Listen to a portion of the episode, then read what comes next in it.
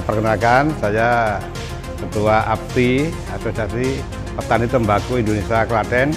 Uh, APTI ini merupakan suatu organisasi profesi yang menaungi dari uh, petani dan juga pedagang tembakau. APTI sendiri mempunyai uh, visi ke depan supaya meningkatkan kesejahteraan petani tembakau dengan misi uh, meningkatkan kesejahteraan petani tembakau dan visinya adalah uh, pendampingan petani dan juga pedagang sehingga petani dan pedagang ini mempunyai uh, daya saing di dalam usaha melakukan bisnis tembakau.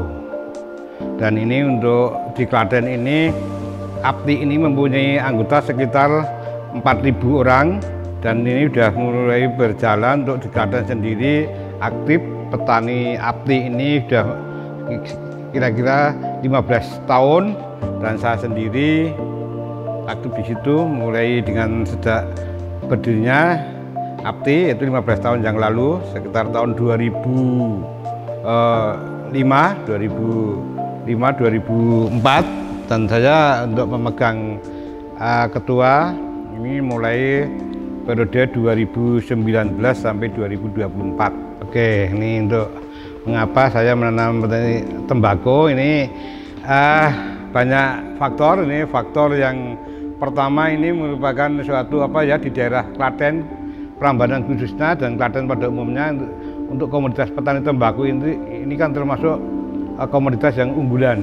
Karena di Klaten sendiri itu ada beberapa varietas tembakau baik itu ya ada rajangan, asepan dan juga itu yang dikelola oleh rakyat dan ada yang dikelola oleh PTPN yaitu petani apa tembakau jenis frosten dan juga untuk uh, kenapa motivasi kami menanam tembakau di Klaten ini karena uh, tembakau itu mempunyai apa ya nilai ekonomis yang cukup tinggi dan juga tekstur tanahnya sangat cocok dan itu termasuk tanaman yang paling mudah untuk dibudidayakan.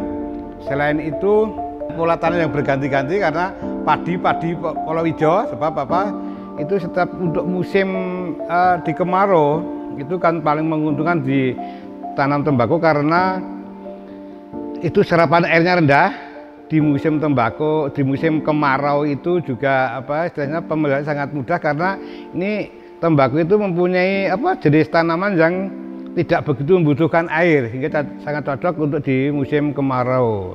Jadi uh, alasan ada dua alasan itu merupakan suatu kultur yang cukup lama di tempat kami dan juga nilai ekonomis yang cukup tinggi dan juga budidayanya yang sangat mudah itu mas.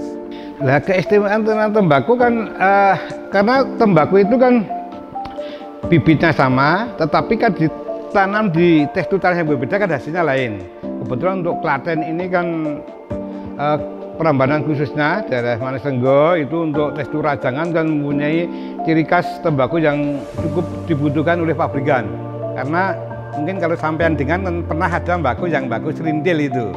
Dan di Perambanan Manesenggo itu bisa kalau ini dengan catatan uh, musim normal. Artinya musim kemarau itu kan mulai bulan Juni sampai September Oktober.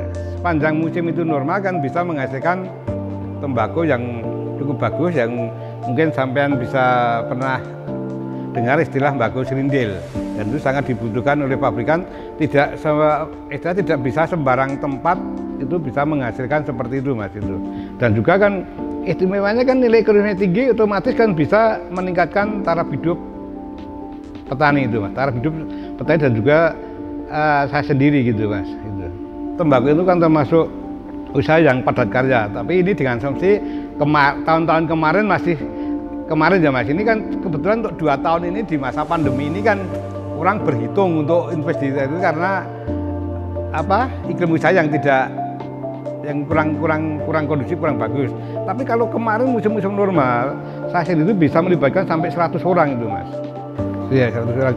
Beda-beda itu mas. Tergantung itu bahkan teman ada yang sampai 150 ada yang 50 kan besar kecil apa uh, usahanya itu masing-masing orang beda gitu. Tapi bisa dikatakan untuk perajang itu bisa sekitar 40 sampai 50 orang Mas rata-rata itu. Padahal untuk Prambanan, Manisenggo, Ganti Warno, Jogonalon itu ada uh, sekitar mungkin di sekitar 200 perajang itu mas. Komoditas tembakau itu dituntut memasukkan cukup besar, tapi kan uh, keperpihakan pemerintah kepada petani kepada usaha tembakau itu sangat sangat kurang. Ini anomali yang saya maksudkan kan satu sisi dibutuhkan untuk kontribusi negara, tapi satu sisi kurang berpihak pada petani. Kesulitannya kan karena uh, petani ini boleh dikatakan kalau saya istilahnya kan seperti sapi perah